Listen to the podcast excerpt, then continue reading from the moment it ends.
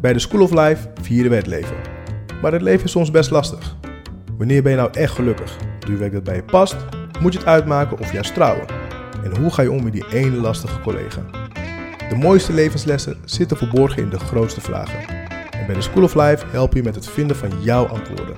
Want goed leven leren we, net als rekenen en lezen, niet vanzelf. Christian en Frank, welkom. Uh, voor mij een hele bijzondere aflevering. Um, we gaan hebben over ouderschap. Jullie zijn de docenten van uh, ons nieuwste prachtig programma trouwens. Goed genoeg ouderschap. Um, ik begin dan eerst bij jou, Christiane. Zou je zelf uh, zou je willen vertellen wie je bent en, en wat je doet? Ja, enorme vraag, hè? Wie ben jij? Gigantische vraag. uh, Christiane, ja, um, een Zeeuwse, misschien wel leuk om te zeggen. Mm -hmm. Ik hou enorm van het strand. Moeder ook, zeker, van twee jongens. Zijn op het moment 7 en 10. Uh, en psycholoog ook, is ook een deel van mij. Uh, dus ik ben altijd bezig met uh, waarom gedraagt iemand zich zoals die zich gedraagt. En dat doe ik ook zeker bij mijn kinderen, die daar denk ik ook wel eens helemaal gek van worden. en mijn man als medeopvoeder. Dus um, ja, dat denk ik. Mooi, dank je. Frank, ga ik naar jou. Ja, ja, ik ben Amsterdammer. Ik ben in Amsterdam geboren en mijn hele leven in Amsterdam gewoond.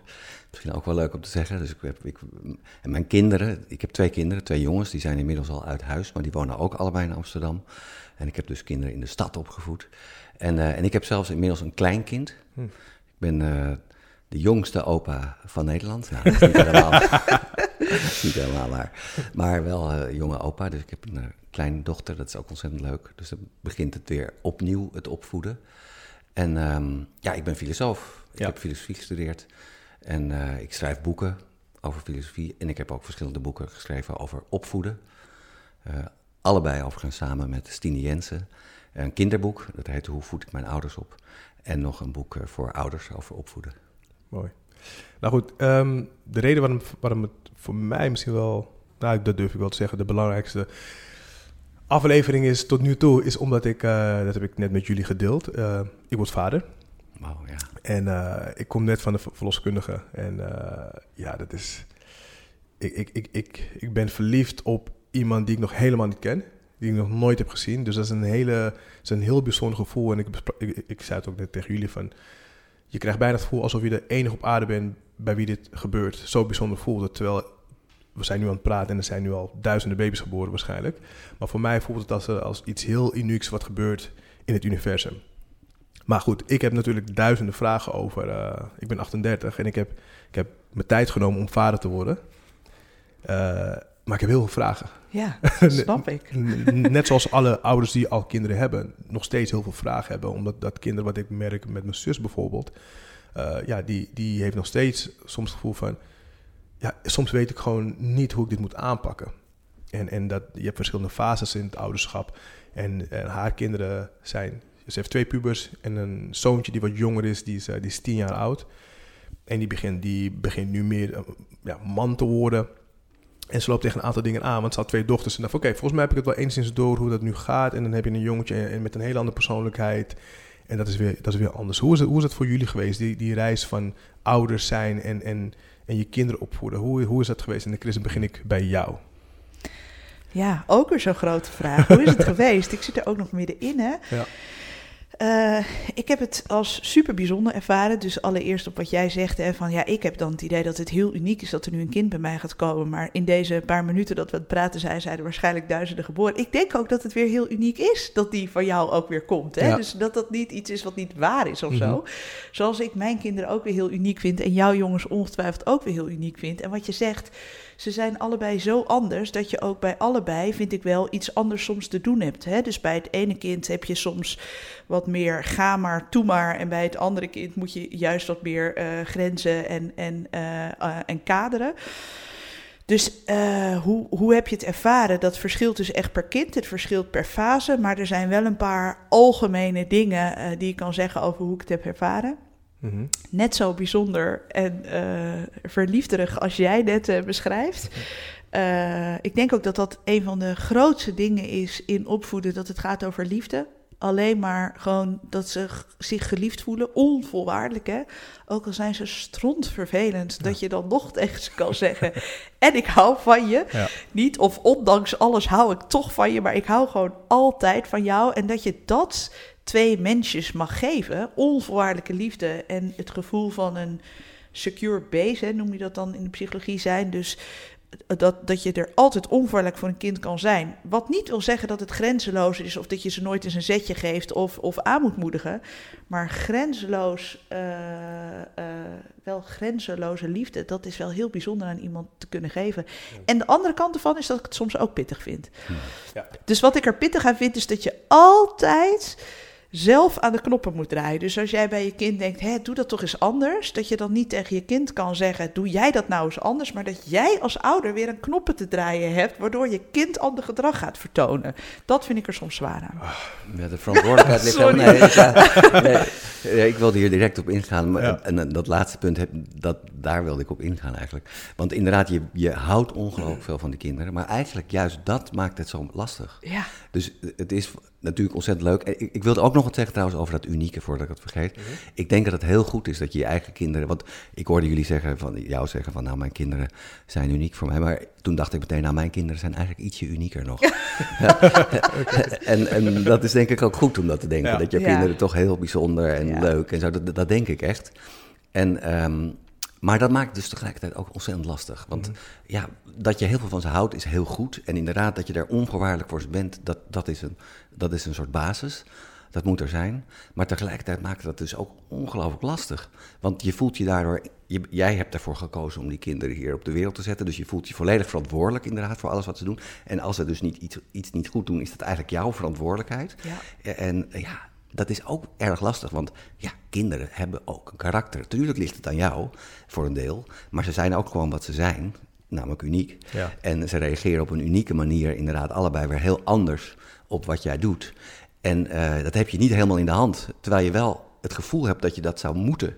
En dat maakt het zo lastig. Dus ja. uh, je voelt je volledig verantwoordelijk, maar je hebt toch te maken met wezens die hun eigen gang gaan.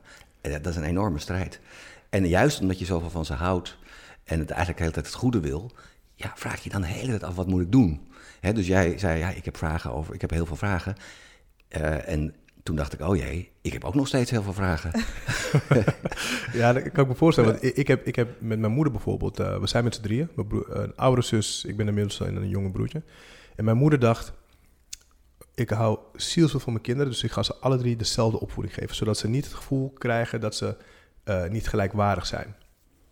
Hele mooie insteek, puur vanuit liefde. Maar dat ging enorm mis. Want ik was heel anders als mijn oudere zus en mijn jongere broertje. En als ik nu gesprekken met haar voer, en dan zegt ze: Ja, maar Dwight, ik, ik hou van jullie alle drie. Ik zeg: Maar ik heb nooit getwijfeld of je genoeg van ons hield. Um, alleen ik, was, ik, ik had wat anders nodig. En mij lijkt het heel moeilijk, door, door, de, door die moeilijke fase die ik met mijn moeder heb gehad, lijkt het me, ik ben bijna, laat me het zo zeggen, om die reden wil ik twee kinderen en niet drie. Dus zo'n zo zo'n indruk heeft het op me gemaakt. Dat ik, ben zo bang dat ik één, dat ik één, de, de, de, een van de drie dus anders behandeld. En het lijkt me dus heel moeilijk om op maat gemaakte opvoeding te geven aan je eigen kind. Ja. Jullie hebben allebei twee kinderen. Ja.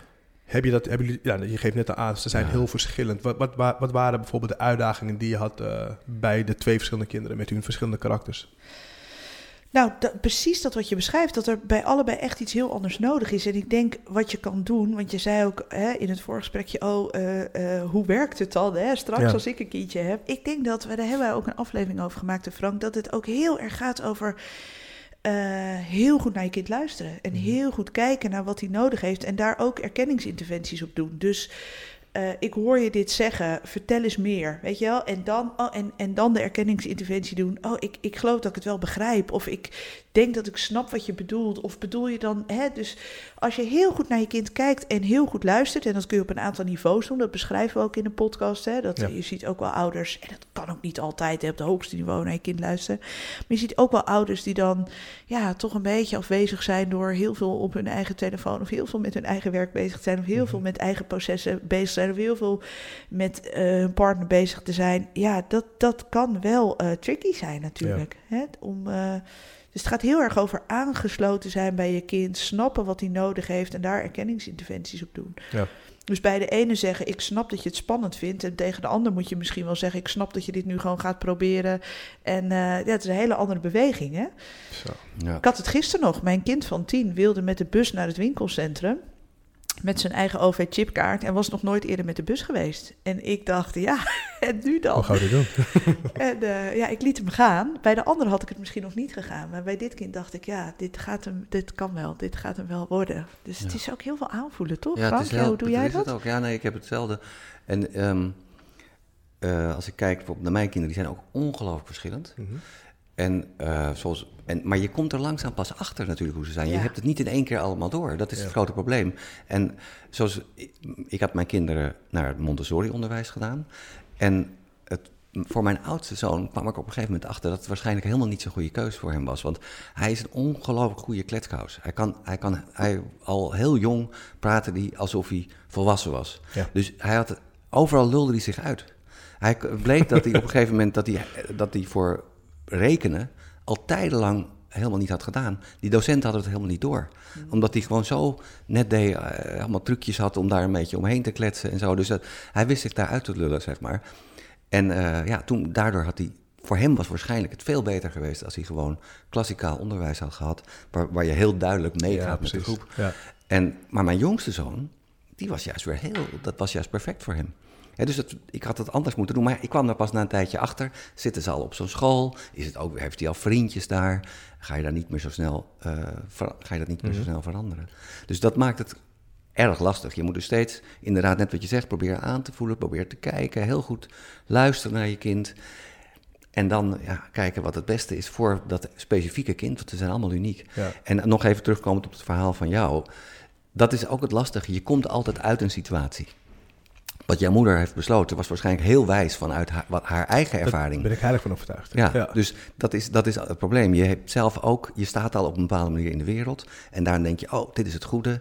En dan kom je er langzaam achter dat, dat, ja, dat de situatie nu weer heel anders is. En dat je dat moet aanpassen. Dus het gaat om een enorm, je moet eigenlijk een enorm aanpassingsvermogen hebben. Ja. En bereid zijn om dingen bij te stellen. En, eh, En ook sorry te zeggen soms. En hè. sorry te zeggen, Ik heb ja. dat gewoon heel dom aangepakt. Of ik heb Ja. het totaal verkeerd ingeschat.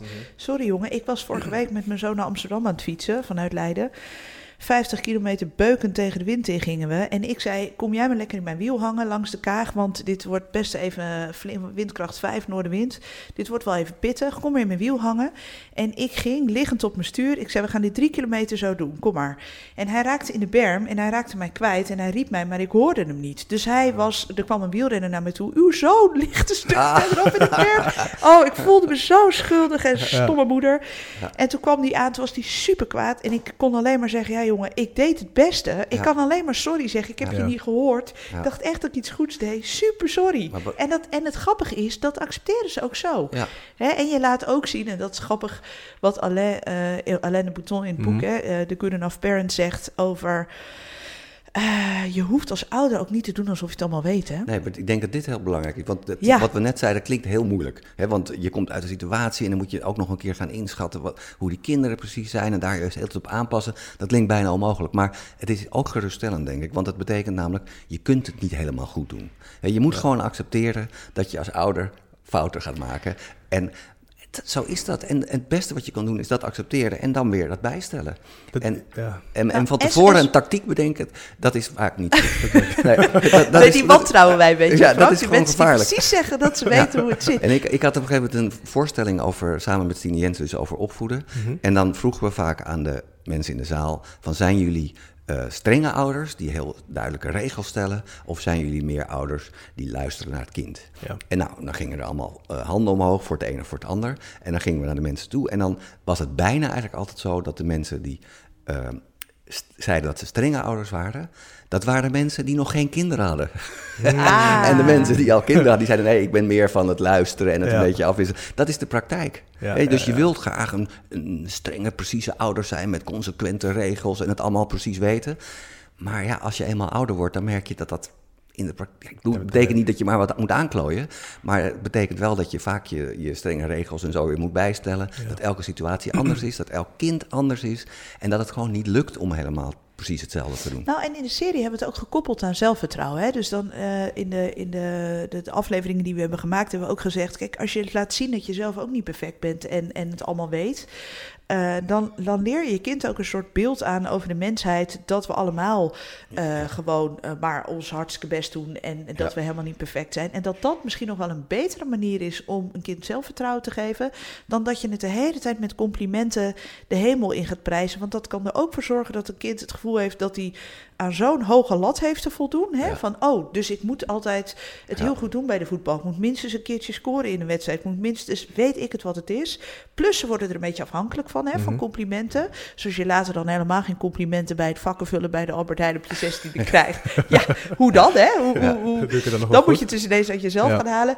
Dus eh, laten zien dat je zelf niet perfect bent als ouder... eh, is, is eigenlijk een hele gezonde houding, denken wij... om zelfvertrouwen bij je kind te krijgen. Denk ik zeker, ja. Want, het geeft ook... Ik, ik heb heel lang gedacht dat er mensen waren die eigenlijk wisten hoe het zat. Met Dat dacht ik wereld. dus ook, ja. Ja, en, dan- en dacht ik, oh, die weten, weet je, dat zijn van die oudere mensen, die weten precies hoe het zit. En op een gegeven moment ontdekte ik, niemand weet precies hoe het zit. Mhm. En dat was eigenlijk een heel geruststellende gedachte, want dan kan ik dus ook gewoon meedoen Ja. met erover nadenken hoe het zit. Ja. Hè, want eh, blijkbaar is er niemand die dat precies weet. Nou, ik, ik, ik vond het dus bij mijn, ehm, als ik kijk naar mijn ouders en wat, wa- wa- waar, jij het net over had, Christiane, over het zeggen van sorry of laten zien dat je, dat je het niet weet. Ik, eh, ik durfde heel weinig emoties bij mijn ouders te tonen. Eigenlijk alleen maar de emoties die zij tonen. Dus blijdschap, teleurstelling. Maar eh, schaamte durfde ik nooit te tonen, of, of kwetsbaarheid durfde ik nooit te tonen. Maar dat zag ik nooit bij mijn ouders. Nee. Dus ik was altijd, als mijn vader, als we in de, in de auto zaten na een voetbalwedstrijd bijvoorbeeld. En, eh, en hij, ik was heel gevoelig, ik ben nog steeds gevoelig. Alleen toen had ik veel minder controle over, over mijn emoties. En dan vertelde hij na de wedstrijd van ja, eigenlijk als de bal links is, dan moet je een klein beetje naar, naar binnen. Ja.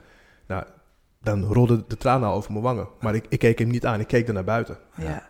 Want ik wilde niet dat hij zag dat ik huilde. Ja. Mijn moeder bijvoorbeeld vond het heel moeilijk om sorry te zeggen. Want, en dat weet ik nu, nu ik ouder ben, nu ik, ge- nu ik volwassen gesprek met haar voer. Zij zei van ja, ik was bang dat als ik sorry zou zeggen, dat jij zou denken dat ik, het, eh, dat ik niet goed genoeg ben. Dat ik als ouder Ja. niet capabel genoeg ben om jou op Ja. te voeden. Mm. Dus ze ging er altijd omheen draaien. En het enige wat ik wilde als kind zei, eh, was dat zij sorry zou zeggen. Ik dacht van ja, maar ik zie toch dat je een fout hebt gemaakt. Ja. En waardoor ik ging twijfelen aan, oké, maar hoe moet het dan? Je, je krijgt een hele vreemde gewaarwording van, oké, mijn ouders kunnen dus blijkbaar geen fouten maken, maar volgens mij maak je echt duidelijk fouten. Je ziet de, je wordt Ja. natuurlijk ouder, dus je ziet de eerste scheurtjes in je ouders. Ja. En, en sorry zeggen, je, je kwetsbaarheid tonen, vind ik, vind ik, ik vind het een hele mooi dat jullie dit zeggen, maar dat was voor mij zo fijn geweest. Ja. Als mijn ouders hadden gedaan, ik snap waarom ze dat nu niet hebben gedaan, maar ik heb daardoor, heel, het is heel gek, ik heb heel lang gedacht dat mijn ouders geen emoties hadden, dat ze niet konden huilen. Ja. Totdat ik mijn moeder een keer zag huilen. Dacht Ah, ik, ja. huh? Want mijn moeder heet Ingrid en ik, ik had de vrouw Ingrid en mijn moeder, dat waren soort van bijna twee verschillende mensen. En, en ja, Ingrid die, die, die vervult de rol van moeder natuurlijk. Dus ook de moeder kan huilen. Maar dat vond ik heel raar om mijn moeder te zien huilen. Ja. Ik dacht, ja, maar jij, jij hoort helemaal niet huilen, want je bent mijn moeder. Jij hoort heel sterk te zijn. Ja. Dat was de enige emotie die, die, zij, die zij toonde. Ja. Dus eh, ja, ik vind het een hele mooie, ja, dat je je emoties toont aan je kind. En, en denken jullie dat, dat het altijd kan? Of zijn er situaties waarvan je denkt, nee, nu moet Nou. ik me, me, me, me gewoon sterk houden? Nou, kijk, ik, de- bijvoorbeeld als jouw kind emotioneel wordt, dan is het heel belangrijk om dat mee te voelen, om daarvoor daarbij te zijn en om dat kind dan te troosten. Maar daarin moet je niet te veel meegaan in die Ja. emoties, want dan eh, denkt het kind misschien wel dat het jou moet troosten. Dus dan is het soms wel goed om, bijvoorbeeld als je kind, ik noem maar iets, ziek is of, en je maakt je daar heel erg zorgen over, dan is dat natuurlijk goed om daarbij te zijn. En, en, en, maar als je te veel dan je zorgen laat zien, Mhm. Ja. dat, is, dat, dat is misschien wel goed. Dan creëer je misschien paniek. Dan, ja, dan, dan heeft dat kind, kan dan niet kind zijn en, Ja. daar, en lekker bij jou troost vinden. Maar dat denkt dan, oeh, mijn moeder maakt, of mijn vader maakt zich heel erg zorgen. En, en, en hij heeft dan weer misschien wel de neiging om jou te gaan troosten. Dus Ja. misschien zijn dat situaties waarbij je soms eventjes erboven moet proberen te staan om je kind te helpen. Maar meer als het om jezelf gaat en je eigen emoties, dan is het denk ik heel vaak om die- goed om die te laten zien, denk je niet? Ja, ik ben het helemaal met jullie eens. Ik heb gisteren gewoon gezegd, ik vind het ook heel spannend dat je gaat, maar ik weet dat je dit kunt. Hè? Dus ik heb Mhm. wel, ik heb niet gedaan alsof ik het maar allemaal eh, helemaal oké vond dat hij in die bus stapte. Ja. Ik heb wel gewoon gezegd, ik vind het ook spannend, maar ik weet dat je dit kan. Ja. Ja, daar wel transparant in zijn. Maar als ik zo naar jullie luister, dan denk ik ook, wat is het toch bepalend eh, hoe die opvoeding verloopt. Hè? Dus als je kijkt naar hoe je gevormd wordt. En er is zoveel op van impact. Eh, dus dus, dus uh, hoe je gewired bent in je brein, maar ook je hormonen, maar ook je herinneringen, maar ook je. Er is zoveel van invloed op hoe je wordt als, en bent als mens. Hè. Maar misschien is dit dat opvoeden en uit welk nest je komt, gewoon wel nog het allermeest bepalend, denk ik dan. Ja. En dan is het toch gek, hè, dat we dat als ouder allemaal maar moeten uitvogelen, toch? Ja. Dat je dan, dan krijg je, jij krijgt straks dat kindje Exact. over een paar maanden. Nou, Ja. en, en dan hè, ik weet nog dat ik thuis kwam met Gijs midden in de nacht uit het ziekenhuis, mijn oudste. En ik stond onderaan de trap van de portiek en ik moest twee trappen op, midden in de nacht. En ik dacht, ja, en nu dan? Moet ik dat kindje dan eten geven? Ja, Moet ik hem in de wieg leggen? met dat Hoe- kind, ja, wat- wat moet wel hoe-? Ja, dat allereerste moment van ontreddering dat ik dacht, ik heb helemaal geen idee wat ik nu met een kindje moet. Eh, en uiteindelijk kwam dat natuurlijk goed. Maar hoe bepalend het is, hè, en wat jullie ook zo beschrijven over uit welk nest je komt, en dat je het allemaal maar moet uitvogelen, is eigenlijk bizar, hè? Ja, dat is bizar. Het is, eh, die eerste tijd, daar krijg je nog wel eh, kraamzorg en zo. En dan gaat het om die heel praktische dingen, daar Ja. krijg je allemaal wel hulp bij. Maar juist eigenlijk die, die veel belangrijkere, tenminste het praktische is natuurlijk ook belangrijk, maar toch die dingen die echt gaan over, ja, eh, hoe ga je met emoties om, weet ik veel allemaal. Daar krijg je gewoon helemaal geen instructies Nee. voor. Ja, het, het voelt voor mij ouderschap als ik kijk. eh, soms lijkt het alsof een kind altijd, of niet altijd, alsof een kind denkt van ah, dit heb je niet goed gedaan. En, een, en als ouders zijn, dan lijkt het soms alsof, een, alsof het kind niet gewaardeerd heeft dat een ouder eigenlijk alles heeft gedaan wat hij of zij kon. Dus er is een soort van, er, er ontstaat een, een gat tussen, ik heb je alles gegeven wat ik had. En een kind denkt van, ah, je, bent daar, je bent daar echt tekortgeschoten. Ja. Het lijkt me een van de meest mooie taken die je hebt als mens zijn, maar ook een van de meest ondankbare taken. Omdat ik heb mijn moeder, en ik ben nu 38, ik heb mijn moeder twee jaar geleden voor een aantal dingen bedacht, eh, bedankt waarvoor ik daar vroeger echt kwalijk heb genomen. Mm. En Ah, ja. nu besefte ik, het is de, de, het voorbeeld wat ik vaak gebruik is alsof ik een euro aan mijn moeder vraag en zij geeft me 50 cent. En dat ik jarenlang met het gevoel loop van je hebt me maar 50 cent gegeven. En dat ze me jaren later vertelt van ja, maar ik had maar 50 cent in mijn portemonnee. En dan heb je ineens ineens een heel ander perspectief op wat je hebt gekregen. Ja. En zo voelde het bij mij soms. Dat ik van ja, maar je bent daarin, je bent daarin tekortgeschoten. Je, hebt, je was op het gebied van communicatie niet, was je niet heel sterk. En nu besef ik van, oh, maar jij hebt het zoveel beter gedaan dan je ouders. Maar dat, dat weet je natuurlijk niet, want je was er niet bij. Je kent je moeder alleen als je Ja. moeder. Maar Ja. er zijn ook mensen die het inzicht nooit meer krijgen. Hè? Dus die Ja. altijd in een soort oordeel naar hun ouder blijven. Ja. En hoe mooi dat jij dat nog voor je veertigste wel op die manier met je ouders hebt kunnen, kunnen bespreken Ja, en kunnen dat- inzien, Ik toch? denk dat we, dit, dit heeft minder met opvoeden te maken, maar ik denk dat het heel belangrijk is dat je je ouders, dat je inderdaad ziet wat ze fout hebben gedaan, maar tegelijkertijd volledig beseft dat zij ook hun best hebben gedaan. En dat je ze in zekere zin dat ook dus niet kwalijk neemt. Je mag heus wel die dingen die er zijn gebeurd, die mag, je mag helemaal eh, zien dat die effect op jou hebben gehad. Maar je moet de verantwoordelijkheid daar uiteindelijk zelf voor nemen. Want je kan nog zo boos blijven op je ouders, dat heeft helemaal geen nut. Je moet gewoon accepteren dat ze het zo hebben gedaan. En vervolgens proberen om zelf eh, aan die dingen die, ja, die, waardoor jij, waar je mee zit en zo, Ja. om daar iets aan te doen. Dat is het enige wat je kan doen om er iets moois van te maken, denk Ja, en ik. eigenlijk gaat het over intentie. Hè? Met welke intentie eh, zit je in dat ouderschap? Dat is wel Ja. een mooie ook om je de komende maanden gewoon met je vriendin eens over te hebben. Van ja, wat wil ik eigenlijk in die opvoeding graag mee? Wat wil ik mijn kinderen, opvoeding wordt een beetje technisch, maar wat wil ik mijn kinderen nou graag meenemen? Met welke intentie ben ik vader of moeder? Hè? Mhm. Dat hebben we ook een opdrachtje van gemaakt in de serie. Van wat wil je, wat is nu als je drie dingen mag kiezen, het allerbelangrijkste dat je wil meegeven? Is dat vrijheid? Is dat hè, dat je kind zich vrij voelt? Is dat dat je kind zich beschermd voelt? Is dat dat je kind eh, eh, alles uit het leven haalt? Is dat dat je kind eh, altijd goed is voor een ander? Wat is het nou eigenlijk Ja. dat je graag mee wil geven? Dat is best een grote vraag, want Dat zegt ook heel veel over wie Ja. jij bent en wat, je, hè, wat jij het leven misschien wel Ja. te doen hebt. ja, dat is een hele grote vraag. Want pff, ik, ik neig dan automatisch naar de dingen die ik misschien eh, had gehad in een bepaalde fase. De- bijvoorbeeld voor mij vrijheid in, in, vrijheid in, beroeps, in beroepskeuze bijvoorbeeld. Ja, Ehm, mijn ouders die, eh, ja, die komen uit Suriname, dus die hebben een oceaan overgestoken en die dachten van oké, je moet voor zekerheid gaan. Maar ik wilde juist, voor mij was vrijheid veel belangrijker dan zekerheid. Maar ik begrijp natuurlijk van waar zij vandaan komen. Ja. En oké, nee, als, we, als je zekerheid hebt, dan, dan, dan, Ja. dan is het goed. Maar voor mij is bijvoorbeeld vrijheid een heel belangrijk iets.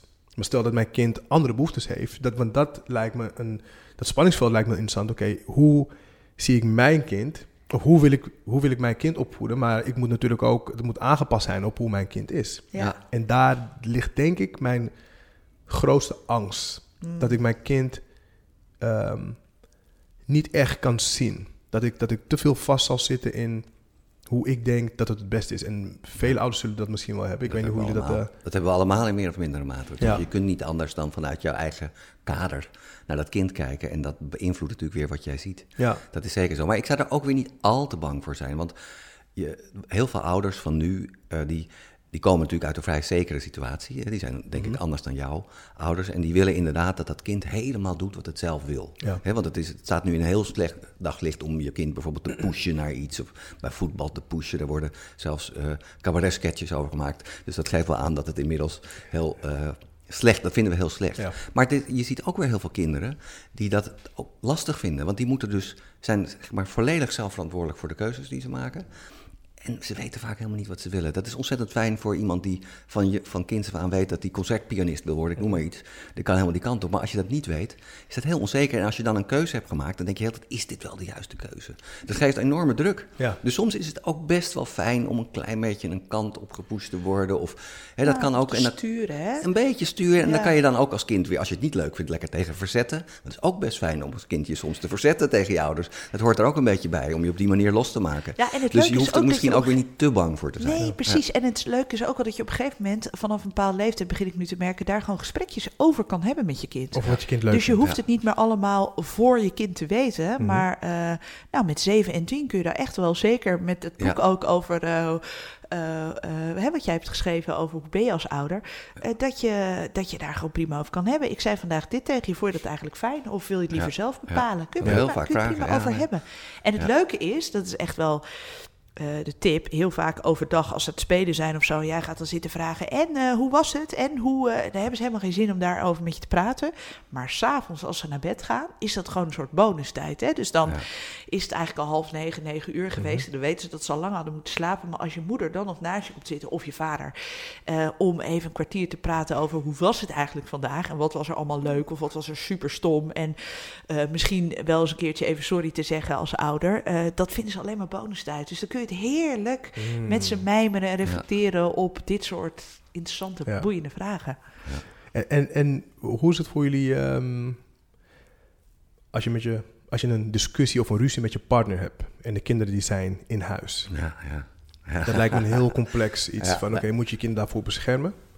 Of moet je kind wel enig- enigszins laten zien dat, ja, nou, je kan het soms niet eens zijn met elkaar. Hoe, Ja. En, en in, hoe, in hoeverre mogen ze iets meekrijgen? Ja, nou, wij hebben het daar ook over in die cursus. Ja. En eh, daarin zeggen we eigenlijk, het is goed. Het is heel goed om af en toe ruzie te maken. Je moet natuurlijk wel een soort... eh, het moet niet heel heftig uit de hand lopen. En het moet natuurlijk zeker ook niet fysiek worden of zo. Ja. Maar dat je het af en toe met elkaar oneens bent. En dat je daar ook weer uitkomt. Ja, dat is natuurlijk heel goed om te laten zien. Dat is ook wat ze met vriendjes moeten doen. Als jij een vriendje hebt en je hebt ruzie en je ziet elkaar daarna nooit meer. Dat is natuurlijk heel eh, jammer. Nee, dat moet gewoon kunnen. Je moet gewoon af en toe ruzie hebben en er weer uit kunnen komen. Dus op zich is het denk ik heel goed en gezond juist om dat te laten zien. Om dat ook eh, om dat niet allemaal af te schermen. Ja. Mm, ja, wel natuurlijk met die opmerking erbij dat als je heel heftige ruzies maakt en er niet uitkomt en eh, boos op elkaar blijft, dat je dat beter niet kunt doen. Maar dan moet je sowieso, als dat zo is, zeg maar, eh, eens even goed naar je relatie gaan kijken, denk ik, en daar iets aan gaan doen. Ja, oké. Ja. Ja, ja dat, dat, dat, dat vind, dat vind, ik- nog wel lastig hoor. Ik denk van ja, oké, mo- moeten ze dit wel zien? Maar dit kan misschien onzekerheid met zich meebrengen. Of angst van, oh, nu gaan mijn ouders uit elkaar. Precies, nou, maar dus daarom moet er, dat moet een soort ja, veilige ruzie. Dat is natuurlijk wel weer lastig, want ruzie heb je niet helemaal in de, in de gaten. Ik moet bijvoorbeeld denken aan mijn eigen ouders, die hadden best vaak ruzie. En, eh, maar, en misschien dat mijn moeder me daar dan ook wel iets te veel bij betrok, dat is zeker zo. Maar ze zei wel altijd, oh, het komt wel goed door, maak je Ja. geen zorgen. En eh, dat nam ik ook wel weer heel serieus. En dan dacht ik, oh, dat zit, dat zit wel snor, dat hoort er blijkbaar bij. Ja, oké. Ja. En, en eh, we, hadden, we hadden, dat is bij mijn broertje. Mijn broertje was ehm, van ons drie de meest ondeugende. eh, zeker op school. En, en op academisch deed dat heel goed. Alleen kwam de, de juf op een gegeven moment naar mijn ouders toe en zei van... Nou, misschien moeten we hem even laten testen. Of, of alles psychologisch wel in orde is. Omdat ja, is heel onrustig. En, en, en ze, waren, ze waren op een gegeven moment zelfs een museum in... en had hij een klok kapot gemaakt. Oh, ja. En, en mijn moeder dacht van, thuis zit hij eigenlijk alleen maar tekenfilms te kijken. Ja, Maar ja. op school is hij bijna onhandelbaar. Ja. Mijn ouders moesten toen een keus maken van... gaan we mee in dat, dat, dat traject en dat er misschien een diagnose uitkomt... en wellicht een label en dat hij zich gaat gedragen naar dat label wat hij krijgt. Hoe, ga je, hoe ga je als ouder daarmee om in zo'n zo'n situatie? Ja, het is super Ja, lastig. hebben we ook een hele aflevering Ja, ja, over gemaakt. ja, ik ben daar zelf ook doorheen gegaan. Ehm, niet zelf, maar wil ik wel of niet een label voor mijn kind rondom ADHD? Kijk, je kunt, er zijn heel erg twee kampen in. Eh, lo- los van ADHD, hè, maar überhaupt diagnostiek. Ehm, aan de ene kant is het een soort rechtvaardiging van het lijden dat iemand eh, eh, ervaart. Hè? Zowel het kind, maar misschien ook de context omheen, hè? juf, ouders. Dus je zou kunnen zeggen, het klinkt heel anders als je zegt: Mijn kind is vaak verdrietig. eh, of als je zegt: Mijn kind heeft echt een serieuze depressie. Hè? Dus dan is zo'n woord doet, doet recht aan het verdriet wat zo'n kind en de omgeving daaromheen ervaart. Ja. Eh, daarnaast helpt het heel erg om te duiden wat is er nu eigenlijk bij mijn kind en wat heeft mijn kind daarmee dus misschien wel nodig. Hè? Ehm, eh, en het is een bepaalde taal die je kan spreken, bijvoorbeeld ook met eh, leerkrachten, om te kijken wat kunnen we in gang zetten om dit beter voor een kind in te regelen. Hè? Dus eh, is er wat extra hulp nodig of niet? Dus zo'n zo'n stempel, zo'n label kan op bepaalde momenten ook heel erg helpen. Tegelijkertijd labelen we ons helemaal suf, hè, nu, anno Ja, 2023. Eh, het is bijna gekkig als je kind geen label heeft of zo. Hè? Als ik nu even kijk naar, de, naar hoe dat in de klasse gaat. Ehm, je kunt ook zeggen, ik heb gewoon vol vertrouwen in dat er voor elk mens een plek is op de wereld. En wij moeten met elkaar als mensheid gewoon anders naar iedereen die zich net een beetje anders gedraagt gaan kijken. Ja. Hè, dat is ook een filosofische vraag van wie is er nou eigenlijk gek? Eh, Ja. Eh, en als we met z'n allen wat toleranter zijn naar... hé, hey, jij gedraagt je net anders dan ik... zijn we niet gewoon allemaal een beetje gek... eh, dan hebben we eigenlijk misschien wel die labels veel minder nodig. Dus je hebt hier heel erg twee kampen. Ja. En ik denk dat je zelf al voelt als ouder... toevallig had ik gisteren nog met iemand over... die zei, ja, ik ben nu toch uiteindelijk voor die diagnose gegaan... omdat ik merk dat het iedereen zoveel rust geeft. Eh, je voelt zelf als ouders wel aan of je er van weg blijft... of echt de stap gaat maken, denk ja. ik. Ja, dat denk ik ook. En inderdaad, dat punt wat jij net maakt. De, eh, je kunt zeggen, ja, het is eigenlijk de maatschappij die heel veel van ons vraagt. Ja. En wat we dan doen, is niet die maatschappij veranderen, maar individuen die niet zo goed functioneren in die, in die maatschappij die zoveel van ons vraagt. En de vraag is of dat een goed idee is. En, en het andere gevaar wat daaraan zit, is dat het dan vaak is met pillen. En die pillen die hebben gewoon echt wel heftige bijwerkingen. Dus dat, dat weet ik toevallig van mijn zoon, want die, ik heb juist ervoor gekozen om hem, want er waren docenten die dat al verschillende keren hebben gezegd, het gaat ook weer over ADHD. En eh, toen heb ik er juist voor gekozen om dat niet eh, te laten labelen. Eh, omdat, ja, hij, was, hij had soms moeite op school en het ging soms lastig. Maar tegelijkertijd heeft hij uiteindelijk gewoon gymnasium gedaan. En is, het- is hij daar allemaal doorheen gekomen. En ik dacht, ja, waarom zou je hem labelen en waarmee op, opzadelen? Maar toen ging hij studeren en vond hij het allemaal heel lastig. Dan heeft hij dat zelf gedaan. Is hij zelf nog... Ah. Dus ja, en, Ja. Maar, en toen kreeg hij dus ook medicijn. En daar heeft hij weer heel veel last van gehad op andere fronten. En, maar het heeft hem ook weer geholpen. Dus ja, het is een heel ingewikkelde dubbel, kwestie. Een Ja. super dubbele kwestie. Ja. En inderdaad, net wat je zegt, je moet dat elke keer weer afwegen. Het heeft bepaalde voordelen. Hij kreeg bijvoorbeeld, daar was ik wel heel tevreden over. Hij kreeg psychologische hulp. En dat, die hielp hem heel erg met plannen en zo. Dat heeft hem, denk ik, eigenlijk meer geholpen dan die pillen. Eh, want van die pillen heeft hij gewoon ook veel, veel ellende ervaren. Maar misschien hielp het ook. Ook daar kun je het met je kind over gaan hebben. Je hoeft het niet allemaal voor je kind te weten. Dat is misschien wel een geruststelling. Ik zie een grote glimlach nu op je gezicht. Je hoeft het niet allemaal te Ja. bepalen en te weten als ouders. Je kunt het er allemaal met elkaar over hebben. Ja. Ja. Ja. Ik, ik heb nog een, eh, een, een, een, een laatste vraag voor jullie over eh, wat, waar we het nu over hebben. Ja, het, lijkt, het lijkt me heel moeilijk om, om, een, om een keuze te maken voor je kind die wellicht gevolgen kan hebben voor de, voor de toekomst. En dat je kindje misschien wel aankijkt van... hé, hey, waarom heb je mij Ja. eh, die, die, die pillen laten nemen? Of waarom heb jij zo- zo'n test laten afnemen? Hebben jullie wel eens, ehm, en dat is misschien een retorische vraag... hoe zit het met, met schuldgevoel als ouder zijn voor een, voor een keuze die jij maakt voor je kind? Is, is dat iets wat vaak voorkomt? En hoe ga je daarmee om? Ik denk dat die nog komt. Ik heb het nu nog niet ervaren. Maar ik, ik, ik laat ook bewust. Kijk, ik ben geschoold als neuropsycholoog. Eh, dus dat gaat over hoe je brein werkt. Ik kies er bewust ook wel voor om een kind te laten klungelen. Gewoon aan te laten klungelen en zelf te ervaren. oh, dit was gewoon heel dom dat ik per se zonder jas naar school wilde. Of het was dom dat ik in de speeltuin op het trapveldje dit zo heb aangepakt. Want je kunt het allemaal niet wegkurlen, hè, zoals Jelle Jolles dat dan zegt, Ja. voor je kind. Eh, ja, misschien vinden ze later wel dat ik te veel heb aan laten klungelen. Dat ik ze te veel. eh, Maar dat komt dan nog wel, denk Mhm. ik. Ik kan nu nog niet zeggen dat ik me schuldig voel. Ja. Maar het is misschien ook omdat dat mijn intentie is, een beetje Ja, aan laten klungelen. Ja, die intentie had ik ook heel duidelijk. Maar toch zijn er wel dingen waar ik me schuldig over voel. Ja.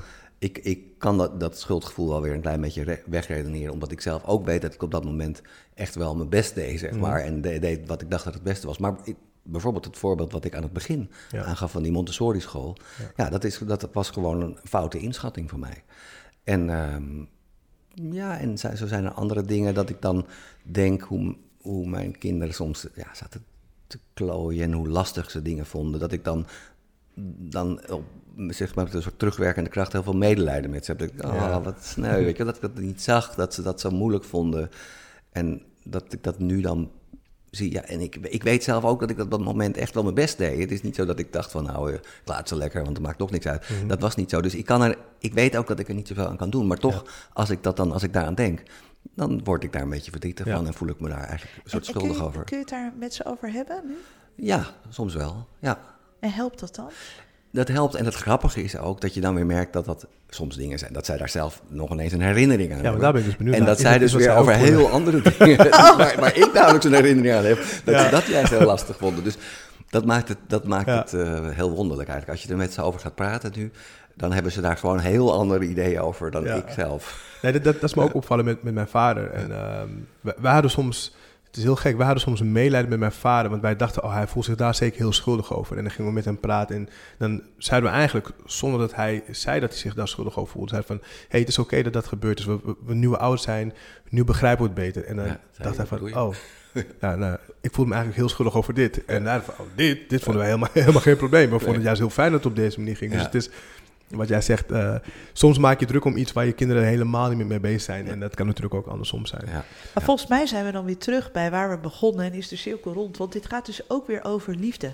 Ja. Dit gaat ook weer over als je maar voelt dat de liefde sterk genoeg is tussen ouders en kind of überhaupt in een gezin, dan kun je dus dit soort dingen, denk ik, allemaal met elkaar wel overkomen en het erover hebben met elkaar en er een goed glas wijn bij nemen later en zeggen, oh ja, dat was, dat was een beetje dom, zoals Maxima dat zou zeggen. En sorry daarvoor, toch? Ja. Ja, nee, absoluut. En, en- en wat, wat, wat, ik, wat, ik, wat ik mee ga nemen in mijn, mijn reis als, als, als vader, als ouder, is intentie. Dat vind ik een, vind ik een hele, hele belangrijke. Dat ik, ehm, ja, ik zal absoluut fouten maken en dat, Ja. dat, dat weet ik. Maar ik wil voor mezelf in ieder geval kunnen zeggen, nou, het is, ik heb het echt met de juiste intenties gedaan. Met hele bewuste intenties ben ik iets ingestapt. Heb ik keuzes gemaakt voor mij, voor ons, voor jou. En dan denk ik, als mijn zoon of dochter vragen stelt aan mij van... pa, waarom heb je deze keuze gemaakt? Dan kan ik zeggen, nou, dit is de reden. Dit is, het is puur vanuit liefde gedaan, met, eh, met een hele specifieke intentie. Ja, en ik rommelde soms een beetje aan, omdat ik het, omdat ik het zelf ook niet wist. En omdat ik jou nog moest leren kennen. Dus, eh, maar ik ben tegelijkertijd heel blij dat dit soort cursussen hebben staan die, eh, die jullie hebben gemaakt. En ehm, die gaat voor mij meer nodig zijn dan ooit. Dus eh, daarvoor wil ik jullie enorm bedanken en voor dit, eh, voor dit mooie gesprek. Ja, en ik denk als jij je nu al zo bewust bent van het feit dat je weet dat je het soms niet eh, helemaal perfect gaat doen als ouder, Ja. dat ik alleen maar kan zeggen, nou je bent nu al een goed genoeg ouder van een eh, kindje van tien Ja, weken, dankjewel. toch? Ja, Dankjewel. heel veel geluk Sluit ik me daarmee. bij aan. Mooi. Dankjewel.